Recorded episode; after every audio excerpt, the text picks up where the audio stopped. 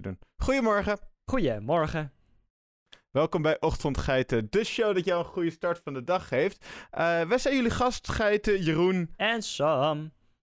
Lekker man. En wij gaan deze aflevering hebben over schelp- en schaaldiertjes. We gaan er meerdere bespreken. We gaan er lekker over lullen. We gaan we gaan garnalen langs, we gaan kreeften langs, we gaan mosselen langs. We hebben uiteraard weer een heel erg lekker ontbijtje voor jullie. Wat ook in de trant zit van hetgene waar we al de hele dag over aan het lullen zijn. Dus duik lekker met ons uh, en jullie mooie diepzeeboot lekker het water in. Om even te gaan kijken wat de mooie wondere wereld van de schelp- en schaaldieren, uh, hoe dat eruit ziet. Veel plezier! Ja.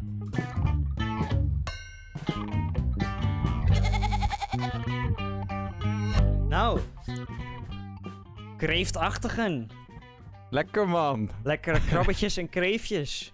Die kruipen over de zeebodem. Lekker. Zit er weer voor een begin. nee, kijk, uh, wij willen het gewoon lekker hebben over kreeftjes en zo. Want het zijn gewoon leuke beestjes. En, Zeker. Uh, ik ga eerst even vertellen wat kreeftachtigen eigenlijk zijn. Want daar is nog wel het een en ander uh, ja, qua discussie over. Uh, mm-hmm. En je hoort vaak dat als je zegt van ja, kreeft of krab of wat dan ook, wat is eigenlijk wat? Nou, vanaf vandaag hoef je dat niet meer af te vragen, want ik ga het gewoon uitleggen. Uh, nee, nice. dat is niet waar. Wij gaan het uitleggen. Um, oh.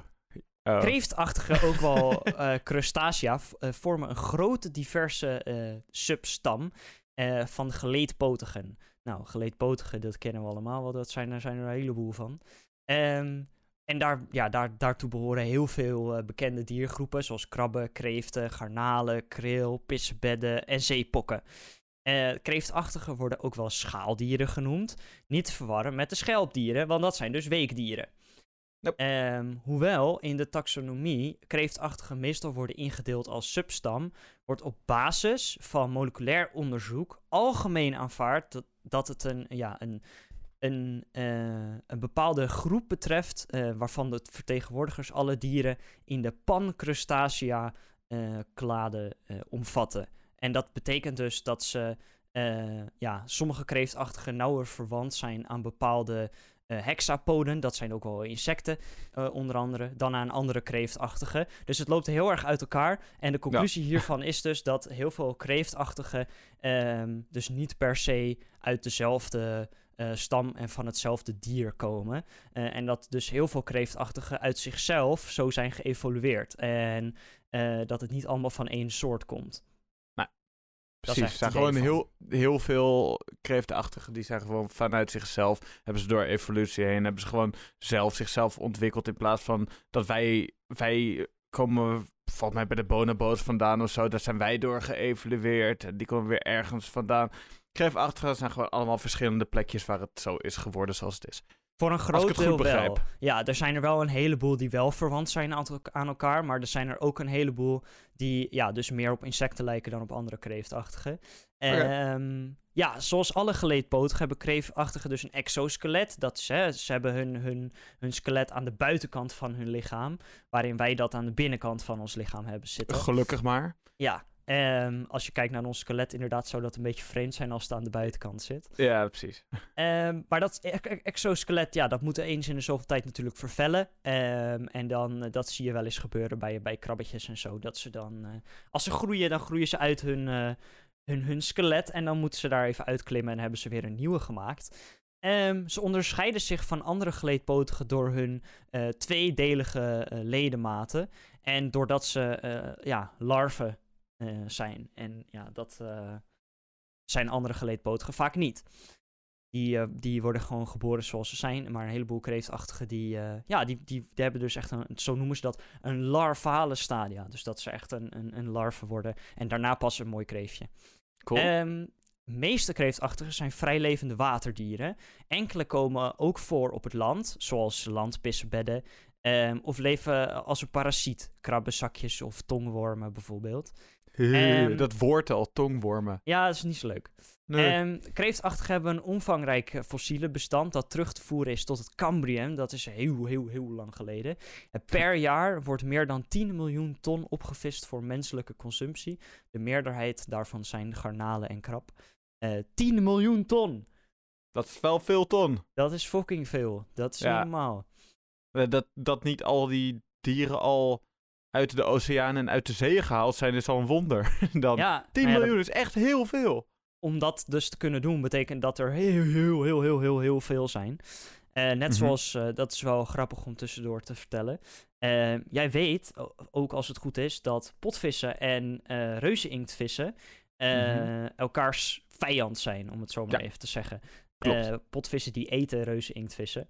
Ehm, en ik had laatst een getal gezien dat er ehm, eh, be- be- ongeveer bekend is hoeveel eh, potvissen er in de oceaan zitten. En eh, dat als ze dan omrekenen naar hoeveel eh, die potvissen eten en hoeveel reuzeninktvissen er dan zouden moeten zijn, Ja. dat is niet grappig meer. Dat zijn er echt heel veel. En de precieze getallen die kun je opzoeken, maar volgens mij was het rond de 7 eh, tot 8 eh, biljoen reuzeninktvissen. Zoiets? Ja, dat Serieus? is echt een bizar getal. What Ehm, the fuck? eh, om dus nog wel te kunnen bestaan als reusinktvissoort. En om ondertussen wel gewoon zoveel per jaar gegeten te kunnen worden. ehm, zonder uit te sterven. Ja, dan, dan moet het een bepaalde omvang hebben van, eh, van een heleboel. Dus Dat is bizar. ja, eh, dus als je, als je hier bijvoorbeeld leest dat er per jaar meer dan 10 miljoen ton wordt opgevist. Betekent dat, je dat, dat je dat dus keer nog een heel hoog getal moet doen. Om erop te komen hoeveel er daadwerkelijk zijn. Ja, Eh, dat, dus dat zeker. 10 miljoen ton, dat is veel. Maar de totale hoeveelheid van beestjes die er daadwerkelijk zijn, is nog veel en veel en veel groter. Ja, als je al kijkt Ehm. naar hoe groot, zeg maar, hoe groot Nederland is, als je van de ene kant naar de andere kant wil gaan, dat is echt een minuscuul dingetje op de aardbodem. Dus als je dat een beetje vergelijkt met hoeveel zee er dan is en hoeveel oceaan er dan is en hoeveel er mogelijk is om daarom, eh dat dat, wat er allemaal onder zit, dat is, ja, bizar. Dan snap ik ook wel dat je inderdaad op een best wel hoog getal komt. Ook al denk je bij, bij dat hele hoge getal van de zoveel ton, wat ik nu al ben vergeten, wat je net noemde, hoeveel was het ook weer? 10 miljoen ton per 10 jaar. miljoen ton. Ja, dat is, dat is echt bizar veel. En dan kun je ook amper voorstellen wanneer je voor je zo'n eh, scho- een visschotel hebt. Maar ja, het is ergens inderdaad ook wel wat je zegt. Het is ergens ook wel weer logisch, omdat ja, de wereld is gewoon een grote plek. Absoluut. Ja, veel groter dan wij ons beseffen vaak. Ja. Ehm, maar om even terug te komen op de kreeften. ehm, ze vormen dus een hele diverse groep dieren. Dat is ook waarom, we, eh, waarom ik dit even in het algemeen wilde vertellen, zodat de basis gelegd is. Zometeen gaan we wat dieper in op een paar soorten die wij leuk vinden. Eh, maar er zijn er dus nog veel, veel, veel meer. Ehm, sommige soorten hebben een totale lichaamslengte van slechts enkele millimeters, terwijl bij andere de spanwijdte van de scharen 3 meter kan bereiken. Er zitten eh, grote verschillen in. Kreeften en krabben behoren tot de grootste dieren van deze substam. Eh, de meeste soorten zijn veel kleiner. Eh, lang niet alle kreeftachtigen hebben scharen. En de meeste kreeftachtigen worden ten onrechte kreeft genoemd, zoals de langgoest. Nou, weten we dat ook weer. Ehm, ook worden kleinere soorten echte kreeften juist als garnaal aangemerkt, terwijl alleen soorten uit de eh, infraorde Caridea garnalen zijn. Ja, dus er zijn- is best wel wat eh, verwarring qua naamgeving. Eh, net zoals bij katachtigen, waar we het een aantal afleveringen geleden over hadden. Ja, het, is ook Ehm, wel, het is ook wel logisch hoor, dat er Ja. zoveel verwarring is. Want het lijken gewoon allemaal wel een beetje op elkaar. Maar mensen gaan, omdat dingen een bepaalde vorm hebben, gaan ze ervan uit dat het onder een bepaalde familie of onder een bepaalde groep valt. Maar het kan zo zijn dat iets van een andere groep dezelfde vorm toevallig aanneemt. Ja, en het kan ook zo zijn dat als jij een dier onderzoekt die nieuw is, die nog niet eh, ontdekt is, Mhm. En dan ga je natuurlijk onderzoeken om erachter te komen wat voor soort dier het is, waar die bij past, waar die op lijkt, zodat je hem kan indelen in, Ja. de, in de taxonomie. Alleen, ehm, ja, dan kan het zijn dat je een jaar later ineens eh, iets heel anders krijgt uit de onderzoeken, wat er weer op wijst dat het onder een andere categorie valt. Dus op die manier is het altijd een beetje vaag. Ja, ze, Ehm, ze kijken binnen de variabelen wat zo'n beest kan hebben. Dus eh, binnen de... Ja, gewoon hoe het eruit ziet, hoe het functioneert, wat de, wat de predators zijn en dat soort dingen. Ja. Dat, eh, daar kijken ze dan naar. En dat kan zo inderdaad een beetje veranderen. Of door een nieuw onderzoek kan weer alles overboord gegooid worden. En ja, dat, zo blijft het maar doorgaan. Ja, precies. Ehm, Het hard, eh, harde uitwendige panzer van de kreeftachtige bestaat uit chitine met een hoog kalkgehalte. Eh, door deze samenstelling is het panzer niet rekbaar en moet de kreeftachtige dus vervellen om te kunnen groeien. Eh, de met twee paar volsprieten getooide kop van de kreeftachtige is vaak met het borstpanzer vergroeid. Eh, wat betreft de poten, monddelen, kieuwstructuren en algemene anatomie is er een breed scala aan allerlei mogelijke vormen bij de kreeftachtige. Sommige groepen, zoals de eendemosselen en de zeepokken, lijken eerder op een tweekleppige dan een kreeftachtige. Vind ik altijd een mooie naam, tweekleppige.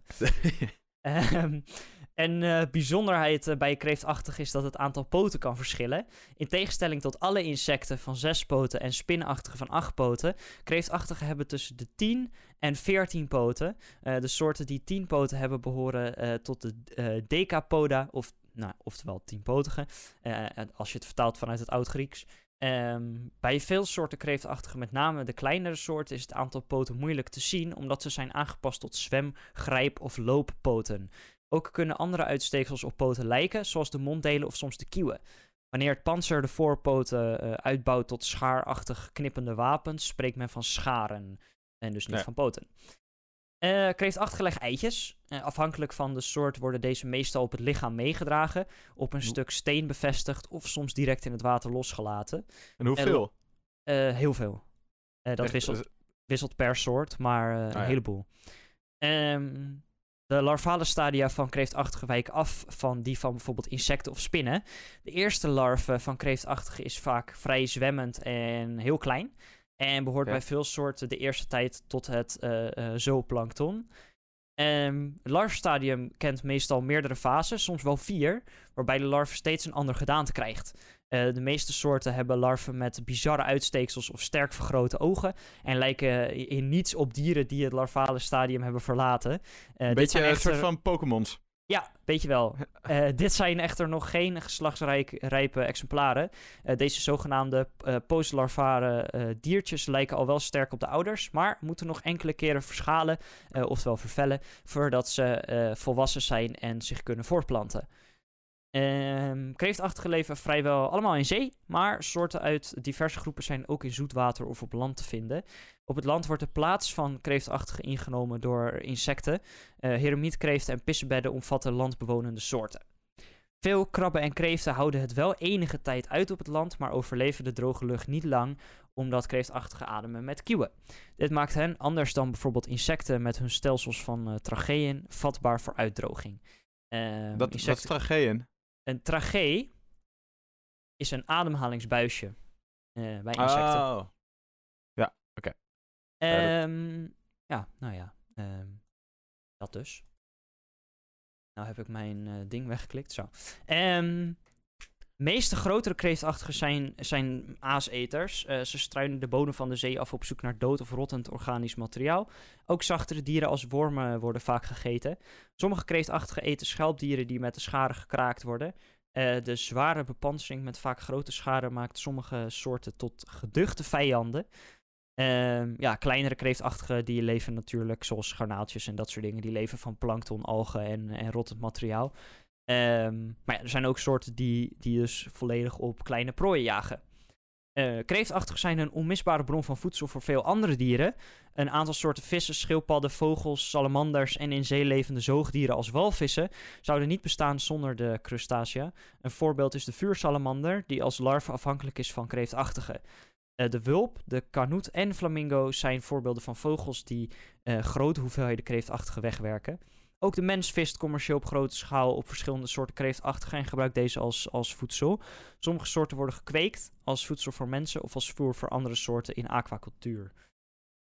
Ja, ik, ik kwam laatst even voor een mini-verhaaltje tussendoor over aanraking tussen mensen en kreeft. Ik was laatst eh, was een keertje buiten, rondje aan het lopen.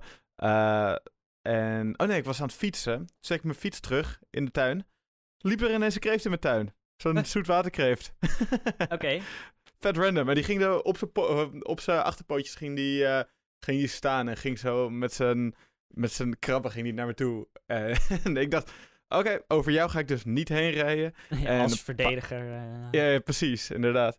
En ik vond hem een paar dagen daarna, vond ik ergens in mijn, ehm, hoe heet nou, de gang van zeg maar alle achterdeuren of alle hekken van alle mensen. Een dat steeg. Een steeg, dat woord zocht ik. Volgens mij ben ik al eerder een keertje niet op dit woord gekomen tijdens de podcast. Nou, ehm, daar vond ik later op een gegeven moment een, een leeg omhulsel van een ehm, van, van zo'n dier, van zo'n kreefje. Dus hij heeft het niet gehaald helaas. Maar ik vond het wel heel gezellig.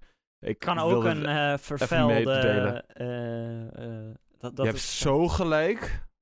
Ja, want ik zag alleen het hoofdje. Ja, damn, you're right. Ja, het zou best wel kunnen. Dankjewel dat je me weer hoop hebt gegeven voor de beest. Ja, geen probleem. Je hebt dat ook vaak Ja. met, met spinnen, hè. Als mensen een spin op zijn rug zien liggen, dan denken ze, oh, hij is dood! Maar dat kan ook gewoon zijn dat dat zijn, eh, zijn oude velletje is. Laat het gaan prikken! Ja. Ehm, Even wel gelijk. ja, veel mensen die dan een, een, een, een spin als huisdier hebben en dan eh, ja, daar, nou ja, nog niet alles van afweten, die raken vaak in paniek Oh, als ja. ze zo'n beest zien liggen. Maar dat is, dan komt hij vervolgens gewoon uit zijn holletje kruipen. En dan, dat is Ja. gewoon zijn oude, zijn oude vagie, om het zo maar te zeggen. Oh, wat Ehm, vet. er zijn twee krabbetjes waar ik het eh, over wil hebben. En eh, dan geef ik het stokje door aan jou. Ehm, en de eerste is, is wat bekender, de tweede wat minder. En de eerste waar ik het over wil hebben is de Japanse reuzenkrab. Ook wel de Japanese spider crab. En die is best wel bekend omdat die gigantisch is. Nou, iedereen die eh, social media heeft, heeft zo'n ding al wel eens voorbij zien komen, denk ik. Ehm, gigantische beesten. Echt fantastische beesten ook als je kijkt naar, eh, nou ja, naar hun, hun, hele, hun hele lichaam. De hele Ehm, postuur ook. is echt geweldig. Ja, eh, ze komen uit een familie eh, die ook die, eh, ja, spinnenkrabben heten. Dus dat is ook wel, wel mooi. Ehm, deze reusachtige krab is alleen vanwege de afmetingen al een monsterlijke verschijning. En de bouw lijkt dus op die van een spin, waardoor de krab veel mensen nog meer schrik aanjaagt. De poten zijn verhoudingsgewijs heel lang en dun en eindigen in een puntig uiteinde. Het rugschild is enigszins driehoekig van vorm, ongeveer 30 centimeter in doorsnede en voorzien van stekels en knobbels met aan de voorzijde enkele tanden. De spanwijdte van de voorste poten met de scharen is 3 meter, eh, hoewel de scharen relatief klein zijn. Eh, ook is deze krab een soort die eh, zich heel langzaam voorbeweegt. Eh Japanse reuzenkrab leeft op een diepte van 200 tot 300 meter langs de kusten van Japan, China en Taiwan. En wordt soms in grote aantallen aangetroffen. De eitjes worden afgezet in ondiepere delen, waardoor men de krabben vlak voor de kust kan aantreffen. Deze soort wordt eh, ook bevist, maar het vlees is niet zo smakelijk als van veel andere krabbensoorten. En veel dieren worden tot souvenir verwerkt. Eh, ondanks zijn enorme omvang en soms angstaanjagende uiterlijk zijn ze niet agressief tegen mensen. Ehm, vanaf augustus 2010 was een levend exemplaar van deze reuskrabben te zien in Sea Life Scheveningen. Eh, deze heeft de naam Crabzilla. En in 2011 is deze vertrokken naar Sea Life in Parijs. Een opgezet exemplaar werd in 1998 geschonken aan Naturalis in Leiden. Die heb ik al Ja, een paar keer bekeken. Ja, Ja, ja, dat is, eh, daar kan je hem heel goed zien. zeker. Ehm, ik denk dat eh 90% van waar wij het over hebben in onze afleveringen te zien is in Naturalis trouwens. ik wil Ehm, echt een keertje naar, dat- naar ja, Naturalis. we, we moeten daar een podcast uitje van maken. Dat is ik een misschien goed idee. leuk. Ja. Ja. Eh, in juli 2013 kreeg Sea Life Scheveningen weer een Japanse reuzenkrab. Eh, de nieuwe krab is Alexander genoemd en had een spanwijdte van 3,5 meter. Alexander had een eigen aquarium van 12.750 liter gekregen. Eh, de acrylramen daarvan ja, die zijn 5 centimeter dik. Dat is best, eh, best groot. Best wel Eh, groot inderdaad. De, de krab reageerde in eerste instantie goed op de verhuizing naar Sea Life, maar de krab overleed alsnog zeer kort na aankomst. In Scheveningen is eh, op dit moment een opgezet exemplaar te bezichtigen in Museum Scheveningen. Dus ja, dat is de Japanse reuskrab. En ehm, als je hem niet kent, ga hem even heel gauw opzoeken. Maar we Nee, vinden- nee. er staat natuurlijk een linkje In de show notes. in de show notes. Dus dan kun je hem yeah. gewoon leuk bekijken. Lekker. Ehm, en dan als laatste wil ik het hebben over de. eh, ja, er, er zijn een aantal namen voor. Ik noem hem altijd de, eh, de Yeti-krab, maar zijn officiële naam is Kiwa hirsuta. Eh, redelijk recent ontdekte krab, ook wel oprolkrab of springkreeft genoemd. Omdat hij nog nieuw ontdekt is en er weinig over bekend is, is de naamgeving ook nog een beetje bijzonder. Maar als je Yeti-krab hebt, dan vind je hem sowieso. Ehm, het is de enige Oh. soort eh, van de familie Kiwaidae en het geslacht Kiwa. Geslachtsnaam Kiwa is tevens de naam van de Polynesische godin van de schaaldieren. Eh, de soortnaam Hirsuta betekent behaard in het Latijn. Door zijn bizarre uiterlijk heeft de nieuwe soort al een bijnaam, de Yeti-krab. Ehm, ja, dat is eh, vrij logisch. Ja. Eh, de soort is al in 2005 ontdekt, maar dit werd pas op 7 maart 2006 wereldkundig gemaakt. Het exemplaar werd 1500 kilometer ten zuiden van Paaseiland gevonden. De ontdekking is heel erg bijzonder, omdat het eh, de eerste dichtbehaarde kreeftachtige is die ooit is gevonden. De haren zijn anders van structuur dan die van bijvoorbeeld zoogdieren en eh, worden setae genoemd. De beharing is blond van kleur. Het hele lijf van de kreeft is overigens spierwit. Eh, dit heeft te maken met het feit dat de soort op grote diepte leeft en kan worden aangetroffen op 2200 meter diepte. Eh, hier dringt Zo. geen licht meer door en zijn kleuren nutteloos. Ook het gezichtsvermogen is daardoor zeer beperkt of ontbreekt. In plaats van ogen heeft eh Kua hirsuta een soort membranen. De lengte is ongeveer 15 centimeter en Kua hirsuta kan ongeveer 700 gram wegen. Het lichaam is van bovenaf eh, gezien ovaal met een puntige voorzijde en telt acht kleinere dichtbehaarde looppootjes eh, en twee lange grijpoten met scharen aan het einde. Deze poten zijn langer dan het lichaam en eveneens sterk behaard. Eh, de ha- scharen zijn niet vergroot zoals bij vele andere klabben, krabben. Het is niet precies bekend waar de kreeft van leeft. Vermoed wordt dat het een carnivoor is. Ehm, op de harige grijpoten zijn sliertvormige bacteriën aangetroffen, die waarschijnlijk dienen om giftige stoffen om te zetten in onschuldige stoffen. Het is niet bekend of de kreeft leeft van deze bacteriën of dat het ze de kreeft mogelijk maakt om in extreme omgevingen te overleven. Ehm, hij leeft eh, ja, na- voornamelijk bij hete onderwaterbronnen. Je hebt op de bodem van de zee heb je een heleboel onderwaterbronnen. Dat zijn, eh, ja, daar is vulkanische activiteit. En daar komen een heleboel eh, chemische giftige stoffen het water in op een hele snel tempo. Ehm, en er is dus een, rond 2005 en 6 zijn daar een heleboel onderzoeken ook vanuit National Geographic gedaan. Ehm, dat weet ik dan toevallig nog vanuit mijn jeugd toen ik ooit een National Geographic heb gelezen en deze, Cool. deze krab voor het eerst eh, tegenkwam. Ehm, en eh, ja, toen hebben ze daar een aantal organismen gevonden die eh, ja, ze nog nooit eerder hebben gevonden. Waaronder ook de aardbeikrab. Als je die nu googelt, dan kom je niks meer tegen. Maar dat is een soort die toen der tijd nog niet uitgestorven was, maar inmiddels wel. Ehm, en die lijkt heel erg op de yeti-krab, alleen dan is hij rood in plaats van geel. Ehm, Ja, ja. Wat belangrijk is, en waarom ik deze wil noemen, is omdat het een diersoort is die dus vlakbij vulkanische activiteit onder water kan leven. En dat betekent dat er dus waarschijnlijk een heleboel andere diersoorten zijn die nu en anders in de toekomst dicht bij die vulkanische bronnen kunnen leven. En Ja. als zij dan dus die bacteriën, eh, die echt super schadelijk zijn voor andere dieren, kunnen omzetten naar onschuldige stoffen die zij zowel als voedsel kunnen gebruiken of eh, om kunnen zetten naar hè, gewoon algemene stoffen die verder niks kwaad doen, betekent dat dus dat daar een heel ecosysteem kan ontstaan wat volledig gebaseerd is op die onderwaterbronnen. En dat is wel iets, eh, iets heel erg cools, ja. Dus daarom Dat- wilde dat- ik hem benoemen. Heel cool. Ja, dat heb je toch ook met bovengrond. Wanneer, je, wanneer er op een, bijvoorbeeld een eiland eh, heel veel vulkanisch gebied is geweest, wordt de grond daarna super vruchtbaar. Maar dat gaat ook qua biodiversiteit verandert er best wel veel. Maar het wordt heel erg divers. Ja, En het, het wordt, je krijgt een hele vruchtbare grond met een hele grote eh, diversiteit aan planten, bomen en dieren die er dan op komen. En dat is inderdaad, dat, dat is denk ik dan een beetje hetzelfde als hoe het dan onder water inderdaad zal gaan. Ja, ja dus dat, eh, ja, ik vind dat een super interessant proces. En eh, het is toekomst, eh, nou niet eens toekomstbestendig, toekomstbepalend. Dus eh, Zeker. Ja, ik vind dat soort dingen altijd interessant. Zeker omdat het zich nu nog aan het ontwikkelen is. Zoveel eh, miljarden jaren nadat de kreeftachtigen al bestaan. Eh, Aha. Dat daar nu nog veranderingen en evolutie in plaatsvindt, vind ik wel bijzonder. Maar ja, dat, daarin kunnen we ook weer terugzien dat eh, onder water een heleboel kan gebeuren waar wij nog niks van af weten. Zeker. En daar eh, eh, eh, hou ik op en geef ik het stokje door aan jou. Eh, want jij hebt ook het een en ander te vertellen erover. Ja, ik heb ook wel een mooi, mooi dier gevonden waarvan ik daarvoor niet heel veel wist, maar waar ik in ben gedoken. En nou, niet letterlijk in het dier, maar ik ben in de kennis over het dier gedoken. en ik, ja, ik vind het echt een geniaal dier. Het gaat over de mantis shrimp. En eh, letterlijk vertaald naar het Nederlands is dit de bitsprinkhaangarnaal. En ja, het is alleen zowel geen bitsprinkhaan als een garnaal. Het heeft, gewoon die na- eh, het heeft gewoon die naam in het Engels. In het Nederlands geven we het ook gewoon een betere benaming, namelijk de bitsprinkhaan kreeft. Want het is Ja. een kreeftsoort. Eh, het grootste probleem van deze dieren is dat ze leven op plekken waar meer garnalen zijn dan holletjes. Dus ja, ze moeten een soort van strijden om ehm, wie de holletjes krijgt. Het is een beetje net zoals in Nederland en de woningcrisis. En hierdoor moet de bitsprinkhaan-kreeft heel snel kunnen handelen om een holletje te bemachtigen. Want op het moment dat iemand een holletje heeft, dan heeft hij het geclaimd en dan is hij van hem. Dus hij mo- moet zich ook heel erg snel kunnen voortbewegen.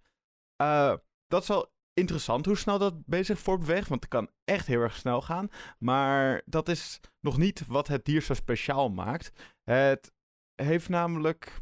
Een van de dingen die wel, eh, wel zo speciaal maakt, is dat het het meest geavanceerde zicht heeft van alle dieren op aarde. En wat ik daarmee bedoel is, nou ja, zijn ogen die kunnen sowieso onafhankelijk van elkaar bewegen. En ze kunnen samenwerken dan op die manier om zich zo goed mogelijk op een prooi te kunnen richten. Maar daarnaast eh, detecteren de ogen ook meer kleuren dan elk ander wezen op aarde. En, zelf, eh, en ziet zelfs gepolariseerd licht. Wauw. Dus ja, dus dan kan hij zien aan de. Dan kan hij gewoon zien aan hoe het licht ergens opvalt, hoe het precies in elkaar zit. Het is echt, het is echt insane. En daarnaast kan hij, ja, wat ik al zei, ook heel erg snel bewegen, want hij heeft echt de snelste aanval.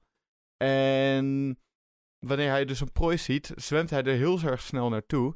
Maar stel de prooi is een klein dier dat in een schelp wegkruipt, dan kunnen de meeste mens, eh, mensen, de meeste dieren kunnen die, dan niet meer bij die prooi komen of het snel te pakken krijgen. Maar de bitsprinkaankreeft, die kan dat wel en die heeft daar iets heel geniaals voor. Hij heeft namelijk hamerklauwen. En dit zijn knuppels met een veermechanisme dat ervoor zorgt dat ze 50 keer sneller kunnen slaan dan dat wij kunnen knipperen als mensen. Wat? Dus het is echt super snel. En ze kunnen hier ook ja, heel makkelijk een ding als een schelp kapot maken en het diertje de vergetelheid in mappen. En een schelp, eh, een schelp, zoals je net al zei, is een van de stevigste materialen op aarde. Dus het is heel erg knap. Het kan zelfs de schelp van zo'n eh, van zo'n reuzenkrab kan het gewoon aan gort slaan. Het is ook, eh, ja, het is ook zo, wat ik ook zo bijzonder vind, is dat die hamers ook zelf zo sterk zijn dat ze niet afbreken. De kracht waarmee zo'n kreeft kan slaan, dat is t- eh 2500 keer zo hoog als zijn lichaamsgewicht.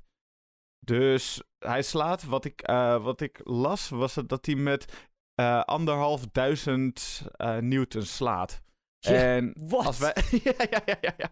En als, zeg maar, als wij dat zouden doen, dan zouden we echt heel makkelijk door staal en eigenlijk alles wat er is, zouden we doorheen kunnen slaan. Dat is niet normaal, joh. Ja, dat is zo ziek. Ik Het wist ook- wel dat het, dat het epische beesten waren, maar ik wist niet dat ze dit kun- konden. Nee, het is, het, is, het, is, het is echt geniaal. Je ziet ook, eh, wanneer, er, wanneer je een filmpje ziet, en ik eh gooi wel ook een filmpje daarvan in de show notes, zie je zo'n beest, wat trouwens echt een... Sowieso is de kreeft zelf al echt een hele mooie kreeft, maar zie je, wanneer je hem ziet aanvallen, dan zie je echt die dingen naar voren veren. En ik zag ook eentje waarbij... Dat vind ik ook wel, eh, wel leuk. Daarin kan je namelijk zien hoe slim zo'n dier is. Eh, een gevecht tussen zo'n kreeft en een krab. En ja, als hij dus zin in een krab heeft of die krab daagt hem uit, dan mapt hij als eerst die klauwen van de krab eraf, dus de scharen, Ja. om ervoor te zorgen dat, ja, dat, de, dat de krab niet meer de kreeft aan kan vallen. Dus hij mapt gewoon eerst die scharen eraf en daarna mapt hij eh, in het hoofd en dat breekt best Ja, wel snel. Heel slim, want een, een krab zijn enige manier van verdedigen is natuurlijk die scharen. En dan Ja, heeft daarom. hij wel die, dat exoskelet om zich te beschermen tegen vissen en zo. Maar als Ja. jij met 1500 newton eh, een, een klap krijgt, dan gaat dat er dwars doorheen natuurlijk. Ja, het, het, is, het slaat helemaal nergens op. En het is Ja. gewoon. Het is. eh, je ziet het ook gewoon eh, in, die film, eh, in dat filmpje dat je dus in de show notes kan zien. Zie je hem gewoon. zie je de kreeft wat dichterbij komen. Je ziet. sorry, je ziet de krab dichterbij komen. Kreeft zit in een holletje. Kreeft komt uit het holletje. Gaat één keer mappen met die dingen. Is de hele schare en de hele arm van zo'n krab is gewoon gone. Is Ja. gewoon, en, dan, en dan neemt hij mee naar binnen en dan heeft hij weer wat om op te eten. Ja, ja het zijn Dus- ook eh, beesten die, eh, wat jij zegt, in een soort holletjes zitten. En ze hebben ook echt, er zijn hele mooie beelden van. Dat ze in het koraal eh, schuilen, en, maar ook gewoon in, in de, ergens in de zeebodem. dat ze daar gewoon Zeker. lekker zitten te chillen.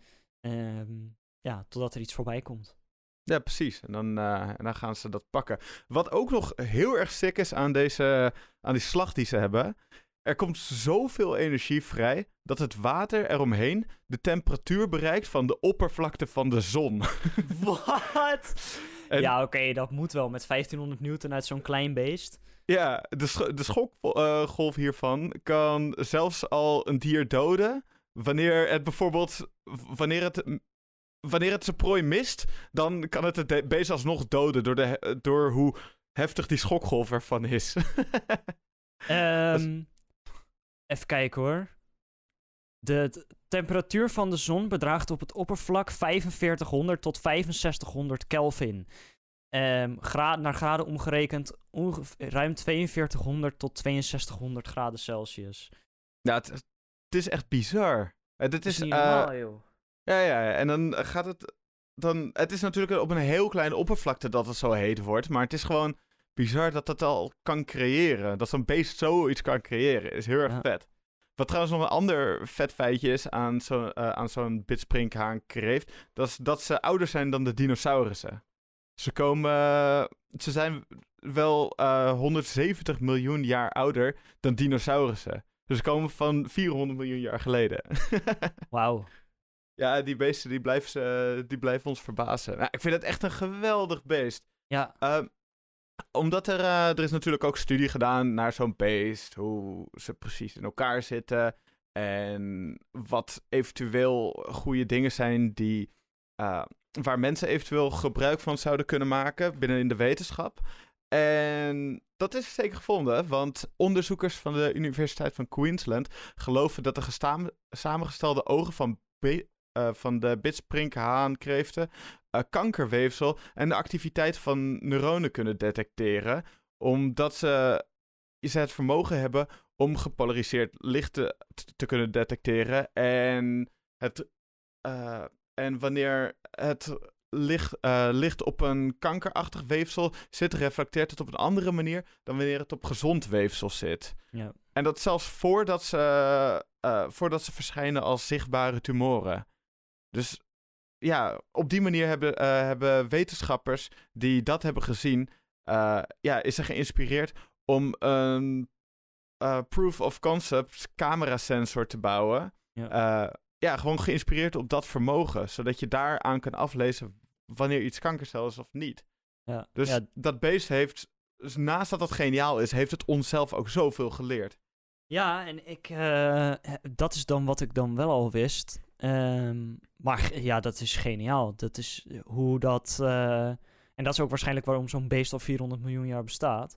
Mhm. Het heeft gewoon op zoveel onverwachte manieren zichzelf voorbereid op eh, ja, het, het niet uitsterven. Dat, Ja. ja. dat is gewoon op een hele bizarre manier heel erg effectief. Zeker, zeker. Dus ik, ja, dit is echt. Ik kende dit beest niet heel erg goed. Ik heb wel eens gezien. eh, ik heb wel eens filmpjes van gezien. Of dat soort dingen. Maar ik kende het niet heel erg goed. Dus toen ik hierin ging duiken. Toen was het eerst van. Oh, hij kan slaan. En toen kwam ik erachter hoe hard hij kan slaan. En hoeveel warmte dat creëert en zo. En toen dacht ik echt. Dit beest is geniaal. Ja, Het is echt geweldig. ja inderdaad. Nice. En ik vind het ook zo mooi dat het eh, in het Engels een man- mantis shrimp is, maar het helemaal geen shrimp is. Daar ben Ja, ik echt ook wel weer blij van. Maar eh, kijk dus even in de show notes naar hoe, dat, eh, hoe het beest eruit ziet. En hoe dat beest ook, eh, dus die kreeft, hoe die zo'n krab gaat aanvallen. Want het is echt heel erg grappig om dat te zien. Ja, mocht je nou denken van, joh, dit is wel, dit is, het heet een garnaal, maar het is geen garnaal. En je denkt van, joh, ik heb zin in garnalen. Dan heb ik een lekker ontbijtje voor je, wat misschien Oh. ook nog wel als lunch gegeten kan worden. Ehm, waar garnaaltjes in zitten. En ehm, ja, dit is wel, dit is een hele, nou ja, in de basis best wel een eenvoudig eh, recept, maar super nice. Eh, het is voor vier personen. Eh, dus je kan het natuurlijk kleiner maken mocht je dat willen. Ehm, maar ja, je, je doet het in de oven in ieder geval. Dus daar heb je wel een ovenschaal voor nodig. En dan heb je vaak al een lekker grote hoeveelheid. Ehm, je hebt nodig 6 eitjes, 100 milliliter mer- melk, 2 lenteuitjes, 200 gram garnalen, eh 2 takjes dille, 6 takjes bieslook, eh, gemalen zwarte peper en wat zeezout. Eh, nou, wat doe je dan? Je verwarmt je oven voor op 190 graden. Je pakt voor deze hoeveelheid twee platte ovenschalen. Zet, ja, ze moeten verschillend formaat zijn, want je zet de ene ovenschaal in de ander. En dan schenk je wat warm water in de onderste schaal tot ongeveer 1 centimeter van de rand. Dit zorgt ervoor dat het, eh, het ei sneller stolt. Ehm, zet beide schalen op die manier in de oven en verwarm 10 minuten mee. Ehm, klop de eitjes los met de melk. Eh, niet te lang, want dan gaat het niet goed. Dan snij, wordt janken. ja, snij je lenteuitjes in dunne ringetjes en roer deze samen met de garnalen door het eimengsel. Hak de dille en bieslook fijn en roer er ook doorheen. Breng op smaak met wat peper en zout. Eh, open je oven en schenk het eimengsel in de bovenste schaal uiteraard. Eh, sluit de oven en laat ongeveer een kwartier tot 20 minuten in de oven totdat de bovenkant van het ei gestold is. Eh, je kan het eventueel serveren met wat zeekraal en wat eh, eh, gehalveerde cherry tomaatjes. Ehm zeekraal kan je natuurlijk ook vervangen door wat salade, mocht je dat liever hebben. En dan heb je gewoon lekker, lekker eten. Dat, ik zou de tomaatjes er wel bij doen, want dat maakt het lekker fris. Maar dan heb je ook een, ja, een heerlijk maaltje. En het is nog goed voor je ook. Dat klinkt wel heel erg interessant. En heel erg lekker. Lekker al die om- omega-3'en die, van die, die je van de vissen krijgen. eh, krijgen Ja. Tenminste, van de vissen, van de, de schaaldier. En lekker. Ik ben Lekker, benieuwd. Ja. Ik, eh, het ging... Ik, ik, ja, ik heb echt zin om hem even voor me te- eh, om het recept voor me te zien. Op de Instagram kan dat natuurlijk. Lekker man. En, en dan te gaan maken. Ik, wil- ik wil gewoon, ja, ik wil maken. Potverdorie. Maar Ik, Lekker ik, man. ik kan, ik kan nu niet zo goed voor me zien wat er namelijk, hoe het namelijk precies in elkaar Ja, zit. Maar dat is misschien mijn brein. Als een omelet met, eh, met garnaaltjes, lenteuitjes, dille en bieslook.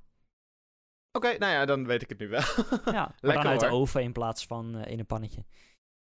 Wat voor een, eh, wordt het dan, ja, dan wordt het meer gestold natuurlijk, dat ei inderdaad. Lekker. Ja, omdat het in warm water zit. Het is, Ja, eh, ja, epische gebe- methodes. Wat er gebeurt er, dat is even los daarvan hoor. Eh, ik heb zin om dat te maken, leuk. Maar wat gebeurt er wanneer je ei en melk dan te hard gaat mengen? Ehm, nou, volgens mij gaat je ei dan eh, te luchtig worden. En dan krijg je, Nou, eh, kan je er geen omelet meer van maken. Oh, dan wordt het een heel erg luchtig drapje. Ja, Waarschijnlijk het, ik weet niet precies. Maar eh, komt dat, ik- dat, komt dat omdat je dan het ei een beetje, de eiwitten en de cellen in een ei dat dood, een beetje doodslaat of zo? Of- Dat weet ik niet. Dat weet ik echt niet. Daar heb ik geen verstand van. Daar ga ik ook Waarom geen uitspraak niet? over doen. Ja, ik weet niet alles. Hallo. Ah, helaas. Als je dit weet, leg het me uit alsjeblieft. Ja, laat het even weten. Ehm, Yes. in de, als antwoord op de story waar het receptje in staat. eh, op ons Instagramies. Yeah. Ehm, En dan gaan we door naar de beestjes. Ik hou van beestjes. Ja, en ehm, ja, wil jij, eh, wil jij eh, nog even doorgaan met wat jij wil vertellen? Is dat leuk? Ja hoor, ik, ik, ik hoop dat de mensen die luisteren het ook leuk vinden. En ik hoop dat jij het ook leuk vindt. Absoluut. nou, mooi. Dan ga ik het wel even doen, inderdaad.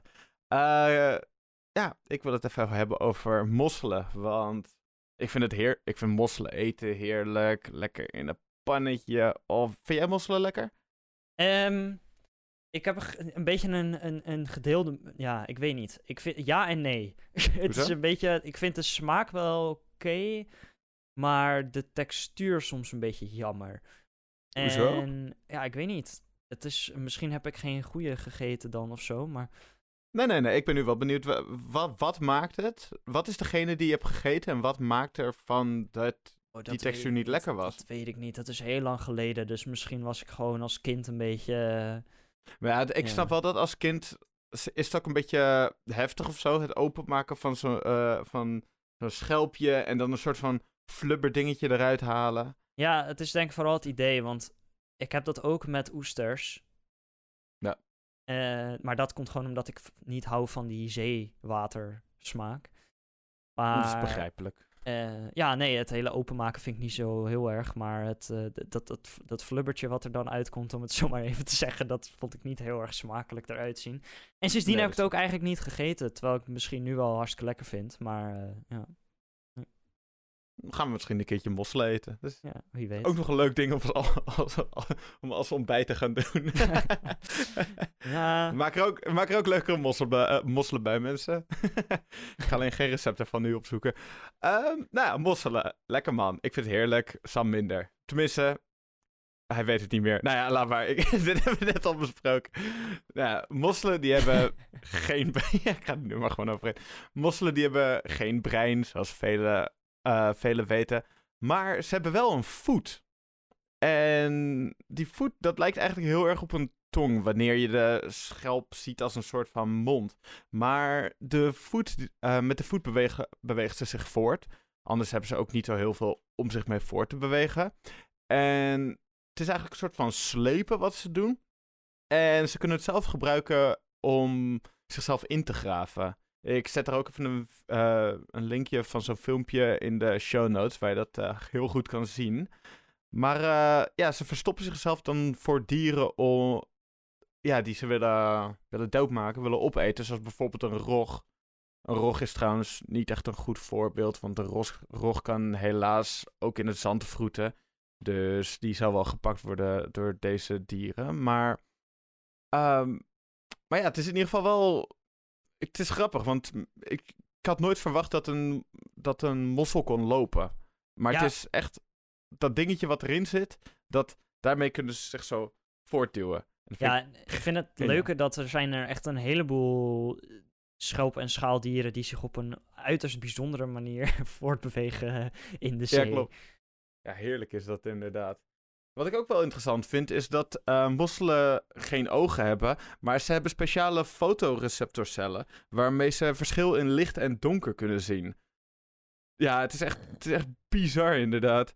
Eh, dus wanneer, eh, wanneer het licht bijvoorbeeld onverwachts van licht naar donker gaat, dan nemen ze eigenlijk aan dat er iets groots en gevaarlijker boven hen hangt. Dus dan gaan ze zichzelf ingraven. En dat kunnen ze best wel snel, want dat kan soms wel tot een centimeter per seconde gaan. Dus dat is voor dat ene kleine flubberdingetje wat ze hebben als been, vind ik dat dat best wel snel is. Ja.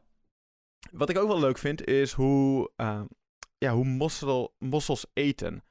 Want de mosselen is een filtervoeder.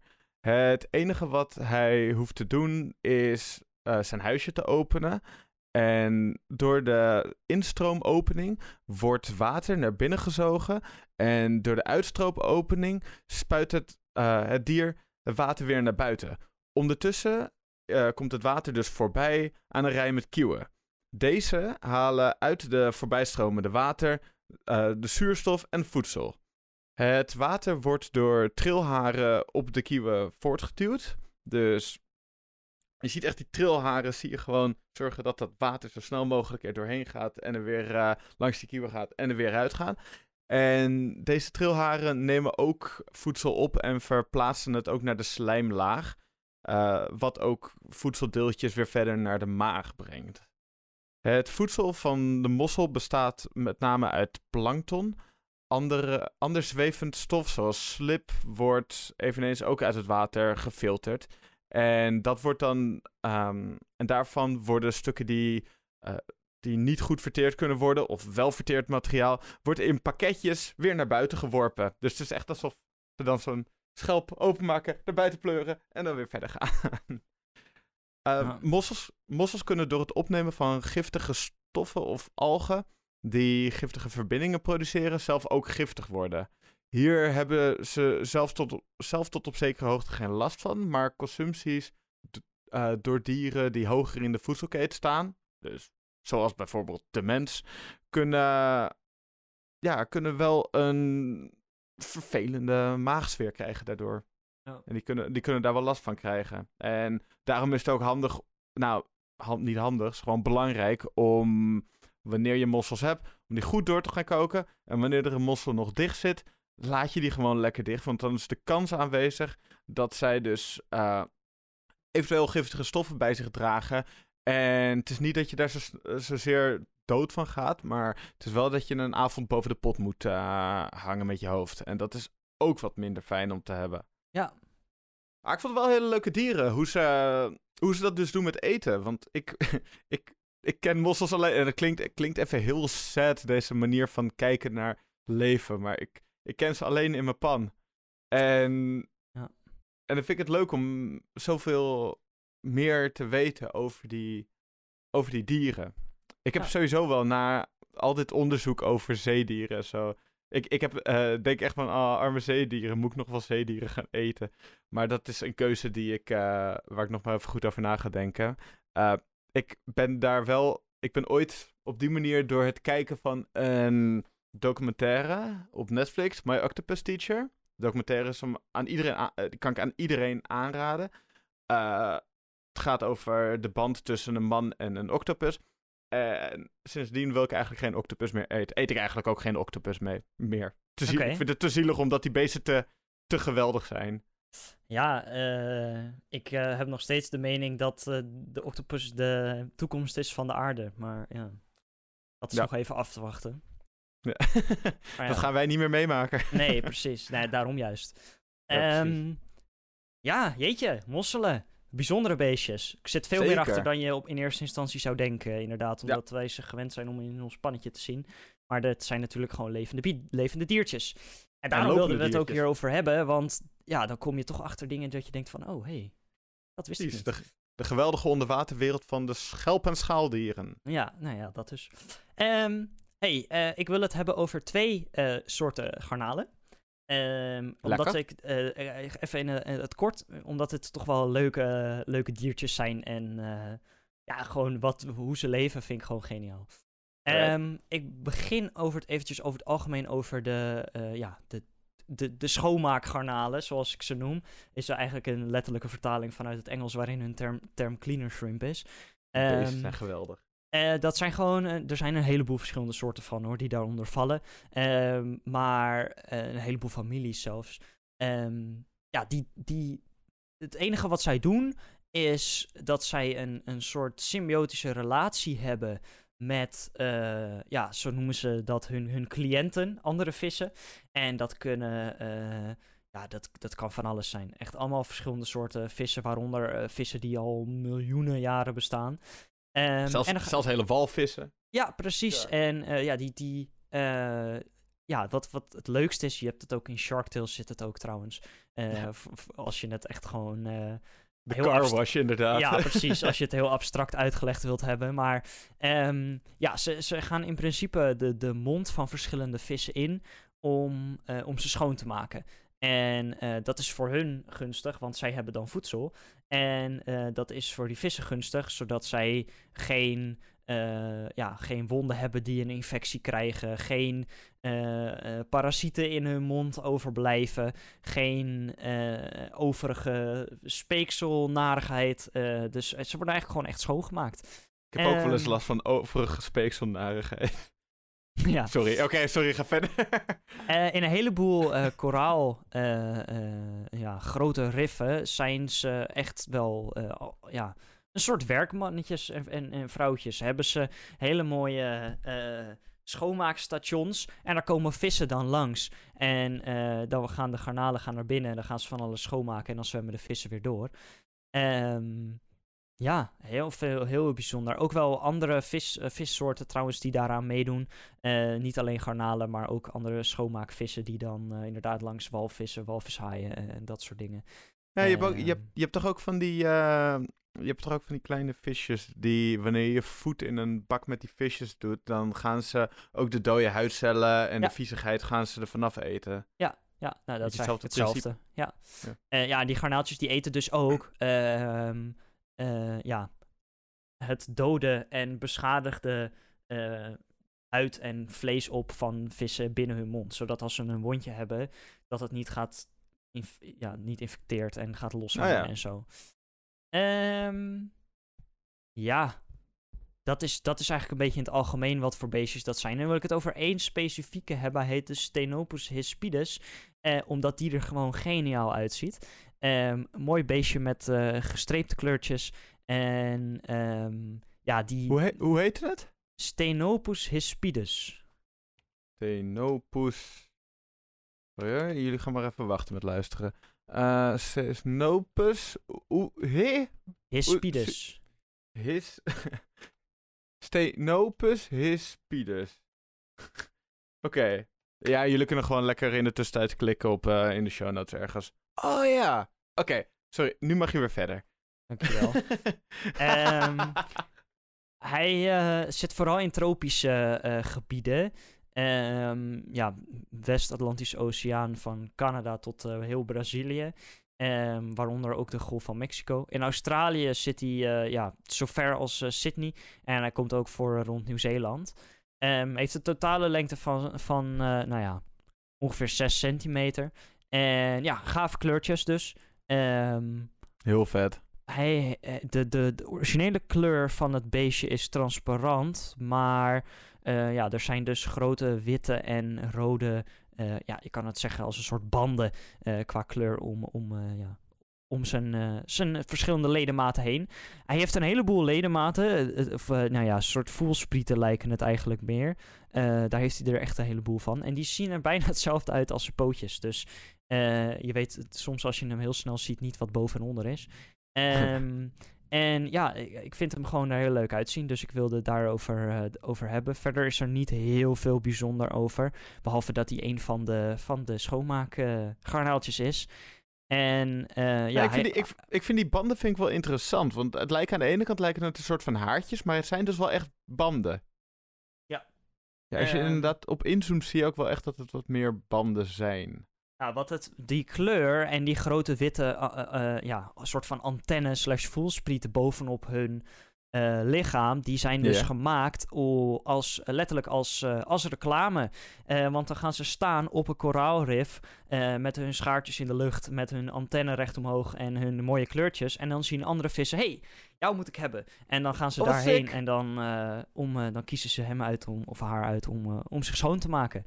Ze hebben Oh, wow. Dus het is echt net als zo'n, wat je in Amerika ziet, zo'n mannetje met zo'n bord van car wash hier, die hem Ja. alle kanten opdraait en zo. Dat is eigenlijk hun, eh, zij Ja. hebben daar die kleuren, die opvallende kleuren. Een beetje, net als een pion is het bijna. Ja. Die pionkleuren. Ja, precies. Vet. Eh, ze hebben drie paar eh, klauwen, dus dat is wel veel. Maar die gebruiken ze dus om parasieten, schimmels en dat soort dingen weg te halen. Ehm, ja, ze hebben meestal een territorium van 1 tot 2 meter in diameter. Ehm, maar ze zijn eh, ja, niet zo heel groot, dus dat is een best groot territorium. Maar ze zitten dus vooral in koraalriffen. En de vrouwtjes zijn over het algemeen groter dan mannetjes. Ehm, dus zo kan je ze ook eh, uit elkaar halen. Ja, grappige beestjes. Zeker. En eh, daar wil ik eigenlijk mee afsluiten. Ja, het, is, het zijn inderdaad leuke, interessante beesten. Ik vind het sowieso wel mooi met het onderzoek hiernaar. En ik hoop ook dat de luisteraars dat ook hebben met het luisteren hiernaar. Dat je gewoon, weer- we zeggen het ook bijna elke aflevering wanneer het over diersoorten en dat soort dingen hebben. Maar hoeveel geniaals er toch weer is. Ja, ja heb jij nou eh, eh, het een en ander waarvan jij denkt... hey, waarom hebben, eh, hebben jullie dit niet genoemd? Laat het even weten via Instagram of TikTok. ehm, zodat wij daar ook naar kunnen kijken. Want ja, wij zijn natuurlijk ook gewoon benieuwd naar wat jij als luisteraar eh, leuk vindt en mooi vindt. En misschien vind je hem wel heel bijzonder, om wat voor reden dan ook. Laat het even weten. Eh, zo komen wij ook achter meer dingen. En eh, dat vinden wij alleen maar leuk. En misschien kan je daar ook nog andere mensen wel nieuwe informatie over geven. Dus ja, daarvoor misschien zijn is, we het er. ook wel, misschien is het ook wel interessant dat wanneer mensen echt een ding hebben met bijvoorbeeld wanneer ze van kreeft en schaaldieren, wanneer ze er echt wat meer, meer van weten, wanneer ze er echt vanwege een werk of iets dergelijks eh, meer ingedoken zijn. eh, of ze doen eh, op professioneel gebied iets daarmee, dan ja, we het ook gewoon weten. Want misschien is het ook wel interessant om daar ooit een aflevering met dan zo iemand over te maken. Ja, als je er wat vanaf weet, dat is een hele goeie. Je bent bij deze neem even contact op en dan eh, kunnen we misschien het een en ander regelen qua gastafleveringen. Want dat vinden wij ook alleen maar leuk. Dat hebben we wel eens eerder genoemd. Eh, wij, zijn, eh, wij zoeken het allemaal op en uit en dat vinden we hartstikke leuk. Maar de diepgaande kennis, die hebben wij niet. En daarom is het juist leuk om nou ja, iemand zoals jij ja, daarbij te hebben.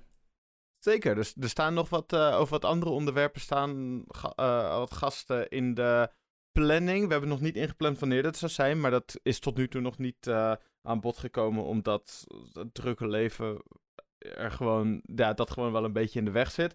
Maar ja, je kan wel verwachten dat we inderdaad van mensen die in dingen gespecialiseerd zijn, dat die ook even langskomen. En ben je zelf in iets gespecialiseerd? Eh, En je praat er graag over natuurlijk. Ja, dan, dat eh, is ook zeker belangrijk. Laat het ons lekker weten via Instagram. Of als je ons persoonlijk kan benaderen via, wat, via zo'n route of iets dergelijks. Maar het lijkt ons heel leuk om eh, mensen uit te nodigen die wel ergens verstand van hebben. ja, ja, stuur gewoon een DM'tje. Dan eh, gaat het Lekker, helemaal man. goed komen. yes. Nou, tot Nou. volgende week. nou, fijn dag, fijn leven, fijne onderwaterwereld. En eh, tot volgende week inderdaad, wat Sam zo heel erg mooi zegt. Doei. Doei. En dan gaat de geit gillen.